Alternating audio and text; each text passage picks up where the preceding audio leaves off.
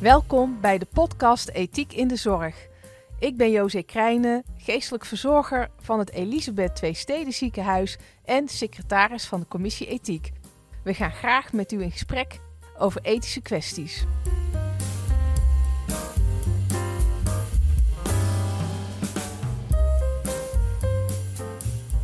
Hoi, dag uh, Christine.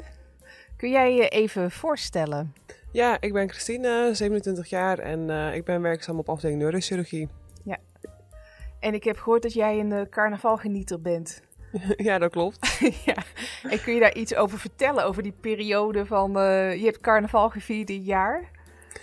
ja, zeker. Het voelde een beetje dubbel. Als verpleegkundige denk je toch, hè, ehm, zeker omdat het een piek was met corona je wilt uh, geen corona oplopen, maar uh, mijn 27-jarige ik zei van, hè, we hebben al twee jaar lang niet kunnen feesten. Dus ik dacht, ja, dat moet ook gewoon even gebeuren. Ja, heerlijk. Ja. En, ja. En toen daarna? en toen ja. daarna, ja, had ik helaas corona. ja, positief getest. Positief getest, inderdaad, ja. ja. En wat betekent dat op dat moment voor je werk? Uh, op dat moment voor mijn werk um, was het vooral een schuldgevoel die ik had. Ja. Uh, zeker omdat uh, de ene na de andere uitviel met positief getest voor corona op de afdeling. En ja, ik ging toch wel met een zwaar gevoel, belde ik toch wel naar mijn werk van... hey, ik ben positief, maar ik zag dat het protocol positief werken met corona van gang is gegaan. Dus ik wil wel komen werken. Ja, daar koos je voor, ook vanuit dat, omdat alles zoveel ziekteverzuim er al was. Ja. Je denkt, ik kan niet de boel in de steek laten nu. Uh. Nee, ik durfde niet te zeggen, ik blijf nee. thuis, uh, ik voel me te ziek. Nee, je voelde je goed genoeg om te kunnen werken. Ja, dus je nam die keuze om toch te komen werken. Ja. En hoe ging dat toen je op het werk dan positief kwam werken? Want je was dan ook een van de eerste die dat denk ik deed. Hè? Dat was toen ook nu weer, hè? dat we na zo'n periode van heel extreme voorzichtig eigenlijk alles, hè?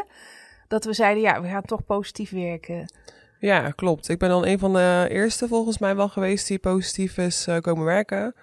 En uh, voor mij was het ook wel een lastige afweging. Aan de ene kant denk ik van ja, als ik zulke klachten had voor corona, kwam ik ook gewoon werken. Ja. En aan de andere kant denk ik ja, uh, ik ben toch positief. Ik kan toch mijn uh, patiënten ook hè, corona geven. Ja. ja. Dus dat was wel een, ja, een lastige afweging. Ja. En zeker omdat je dan een ander mondkapje op moest, was het ook mm -hmm. wel zichtbaar voor collega's dat je positief was en kreeg je inderdaad ook uh, vragen van patiënten. Ja, hoe, want hoe reageerden collega's uh, en patiënten? Uh, de, uh, de, collega's die reageerden, som, sommigen wel een beetje geagiteerd. Die zeiden van, hè, waarom blijf je niet thuis? Je kan ons ook aansteken. Mm -hmm. Dus dat maakte het ook wel wel lastig om te verantwoorden dat ik wel kwam werken. Mm -hmm.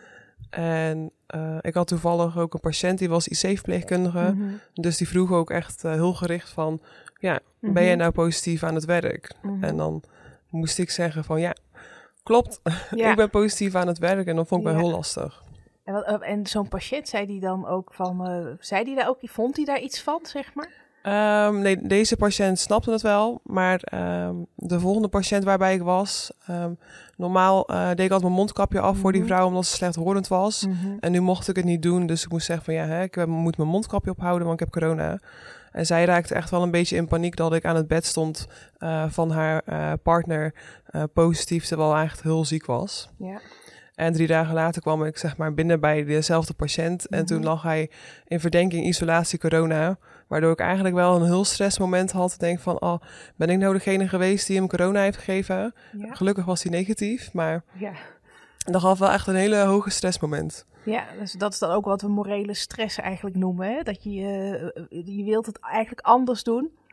Ja, je wilt natuurlijk niemand besmetten, maar je voelt je ook, eh, hoe zeg je nou, verantwoordelijk voor je werk. En op dat moment zijn de protocollen ook aangepast, dus er schijnt ruimte te zijn. Maar het is natuurlijk ook moeilijk werk om eh, heel veilig te kunnen werken, denk ik. Ja, het, is, eh, het scheelt al als, als verpleegkundige eh, werk je al wel heel veilig. Ben je Mhm. altijd bewust met je hygiëne. Ja. En ik merkte wel, met corona was ik nu nog steeds meer, nog meer bewuster eh, met hygiënisch werken. Dus ik zat eigenlijk alleen maar met eh, doekjes en met eh, alcohol was ik echt de hele dag bezig in de weer. om er zeker te weten dat mijn patiënten en mijn eh, collega's veilig waren. Ja, maar ja, je kunt vol- volgens mij kun je niet altijd in jouw werk anderhalve meter afstand houden. Nee, klopt. Het voelde heel Als je iemand ongemakkelijk. moet wassen, weet je wel. Ja, of, of met je collega's samen iemand moet verplaatsen. Ja, Ja. klopt. Het voelde heel ongemakkelijk. ehm, eh, als ik bijvoorbeeld een patiënt moet wekken, dat moet bij ons echt wel om de twee uur bij sommige patiënten. Ja, En zeker hardhorige patiënten moet ik in Ja, de buurt komen dingen, van ja. een oor om te zeggen, word eens wakker. Ja, dat voelde dan toch wel een beetje ongemakkelijk, omdat je echt zo dicht in het gezicht zit dan Ja. van de patiënt. ja, goh. nou, dat zijn dan... eh, ja, en tegelijkertijd zit je in een situatie waarin we ook niet eh, eh, het heel erg kunnen veranderen. Hè, vanwege de tekorten op dat moment. Dat je zegt, dit is ook gewoon waar we mee moeten omgaan. Ja, dat is Ja. dus ook de afweging waar, eh, wat ik maakte om wel te werken. Ja. Zeker omdat er zoveel ziekmeldingen waren. Ja. Dan kunnen we ook eh, de zorg niet meer garanderen. Nee, het alternatief is dat er geen personeel meer is, zeg maar. Ja, ja, Ja, dan liep ja. De, de zorg liep helemaal vast. Ja, ja, ik moet er nou om lachen, maar het is natuurlijk heel dramatisch. Als Ja. dat, eh, ja. ja. Ja. de zorg liep helemaal vast. En zeker collega's liepen ook helemaal over, deden extra diensten draaien. En dan eh, zeker om dat te ondersteunen wil je gewoon niet thuis blijven. Nee. nee. En als jij nou die persoon had besmet? Ja, dan had ik, eh, had ik wel echt een heel schuldgevoel gehad. Ja. Ja, ja. Maar kon je daarover praten met collega's of met je leidinggevende? Dat je, kon je dit soort dingen eh, ergens uitspreken? ja, met mijn teamleiders eh, kon ik daar Ja. duidelijk over praten. Je merkte wel de verdeeldheid op de eh, afdeling Ja. tussen collega's. Ja. Ene zegt van ja, inderdaad, je moet komen werken, want we hebben personeel nodig. Andere collega's waren daar toch voorzichtig in van ja, maar je kan ons wel aansteken. Mm-mm. Was discussie. Ja, er was een discussie inderdaad. En was dat werkbaar nog voor jou? Ja, zeker. Ja, op Ja. een gegeven moment heb ik ook tegen eh, een paar collega's gezegd eh, van hè, dit is protocol. Ik eh, kom werken, ik heb nou ook geen klachten meer. Nee. Dus ja, in principe mag het. Ja, nou, je hebt je afdeling in elk geval door een moeilijke periode meegeholpen. Met, met alle mogelijke negatieve consequenties. Ja. Ja, het Ja. was nodig. ja, precies. Ja. Nou, dit is ook iets van verantwoordelijkheid. Hè? Van welke verantwoordelijkheid neem je dan? En welke is dan eh, professioneel gezien de juiste, ook qua zelfzorg, hè? maar ook qua zorg naar je collega's en je patiënten. Dat is eigenlijk iets waar je nu ook dan niet zomaar uitkomt. Hè? Nee, klopt. Nee. Voor, voor mij was het ook wel echt lastig dat de patiënten specifiek gingen vragen of ik dus positief was. Ja. Dat ik echt wel heel onrustig werd. Ja, van ja, ik moet ik. ja zeggen, Ja. maar het voelt niet goed. Nee, het zit de kwetsbaarheid van de patiënten en, en dat je dan mede verantwoordelijk zou zijn voor dat, dat ze eigenlijk nog extra leed toegevoegd krijgen. Hè? Klopt. Ja, ja. ja nou, dat snap ik. Ja. En heb- je dat toch eh, volgehouden, zeg maar, die druk daarvan?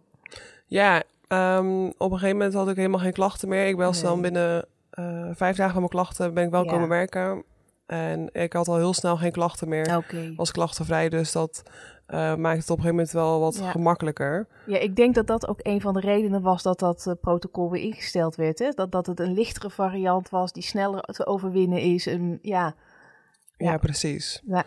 Ja, en dan is eh, de vraag die ik dan ook zoiets had van... Ja, als ik een griep heb, dan ga ik ook werken. Dan denk ik daar ook niet aan, dan laat ik me ook niet testen. En dan kunnen mijn patiënten die zo weerbaar zijn... die kunnen daar ook heel ziek van worden of aan over te komen overlijden. en daarmee begin, komen we eigenlijk bij de nieuwe fase die nu is ontstaan. Hè? Dat zou ik graag aan eh, Joy, eh, jouw leidinggevende, zou ik ook nog graag even met haar willen vragen hoe dat nu eh, gaat op dit moment op de afdelingen. Welkom eh, Joy. Wil jij je even ook voorstellen aan de luisteraars? Dankjewel. Eh ik ben Joy de Jong en ik ben teamleidinggevende van neurochirurgie. Ja, en jij hebt hier waarschijnlijk als leidinggevende ook mee geworsteld met, dit, met deze manier van werken die Christine net vertelt. Ja, En met absoluut. personeelstekort. Absoluut. ja, Kijk, als leidinggevende eh, zag je natuurlijk wel een Mm. beetje aankomen en zat daar natuurlijk wel een stukje angst van, oh jee, wat gaat er gebeuren zo na eh, de carnaval, eh, na de skivakanties, waar toch ook wel mensen positief van, van terug, terugkwamen. En, en dat gebeurde ook. Echt, dat was echt een enorme piek. En daar gebeurde echt heel veel met de planning. Mensen die uitvielen, mensen die positief waren. Dus ja, weet je, op een gegeven moment is ook echt die, die buffer, ook bij de collega's hè, die negatief waren, die, die was ook echt op. Ja. Ja, en dat was dan niet alleen op neurochirurgie, maar dat was echt ziekenhuisbreed. Ja. En daar Ja. had je het wel over in uh, het planningsoverleg. dat, de, dat de mensen die je normaal gesproken vanuit het planbureau uh, nog in kon zetten, ook die buffer was gewoon volledig, uh, volledig weg. Ja. Dus dat was echt een zorgelijke situatie waar we nou. toen in zijn gekomen. Ja. ja. Ja, en, en hoe is het inmiddels geworden, zeg maar? Dus toen met het positief werken. Of nou, misschien eerst even, hoe vond je het positief werken? Hoe dat toen ging? Waar had je daar toen ook extra zorgen over. Zoals Christine ook net verteld. Hè, van ja, ik kan patiënten besmetten. En uh, tegelijkertijd duurt het niet zo heel lang. Dus als je heel veilig werkt, is de schade misschien ook nog best uh, te beperken. Is het best redelijk. Vooral vanwege die enorme tekort. Want wat, wat moet je anders? Je hebt geen alternatief meer. Ja. Ja. Nou, dat zijn natuurlijk wel de lastige vragen waar je met het team uh, uh, het over hebt. Ja. Want um, weet je, als je het hebt over een stukje duurzaamheid, wil je natuurlijk ook de mensen die uh, niet positief zijn, die kun je ook niet continu belasten nee. en die echt totaal laten pieken, want anders ben je die dadelijk ook kwijt. Ja, dus of weet ze je, raken ook weer besmet, hè? Exact. Ook dat, ja. ja. Dus dat zijn wel de dingen waar we um, het gesprek met het team wel over aan zijn gegaan. En hè, wat Christine net ook wel benoemde, daar zat ook echt wel een verdeeldheid bij. Mm -hmm. Waarbij er ook mensen waren die zeiden. Uh, ja, weet je, ik snap dat je mag carnavallen, maar als je het dan hebt over kan ik zowel bij een kwetsbare patiënt staan, mm -hmm. uh, dacht je dat ook toen je ging carnavallen, weet je, dat, dat was mm -hmm. ook een verdeeldheid die werd ja. uitgesproken onder, uh, onder personeel. en aan de andere kant denk je van, ja, weet je, uh, het, het, zorgpersoneel heeft zo knetterhard gewerkt. Weet je, die hebben ook recht om uh, te feesten, ja. op skivakantie te gaan, te ontspannen.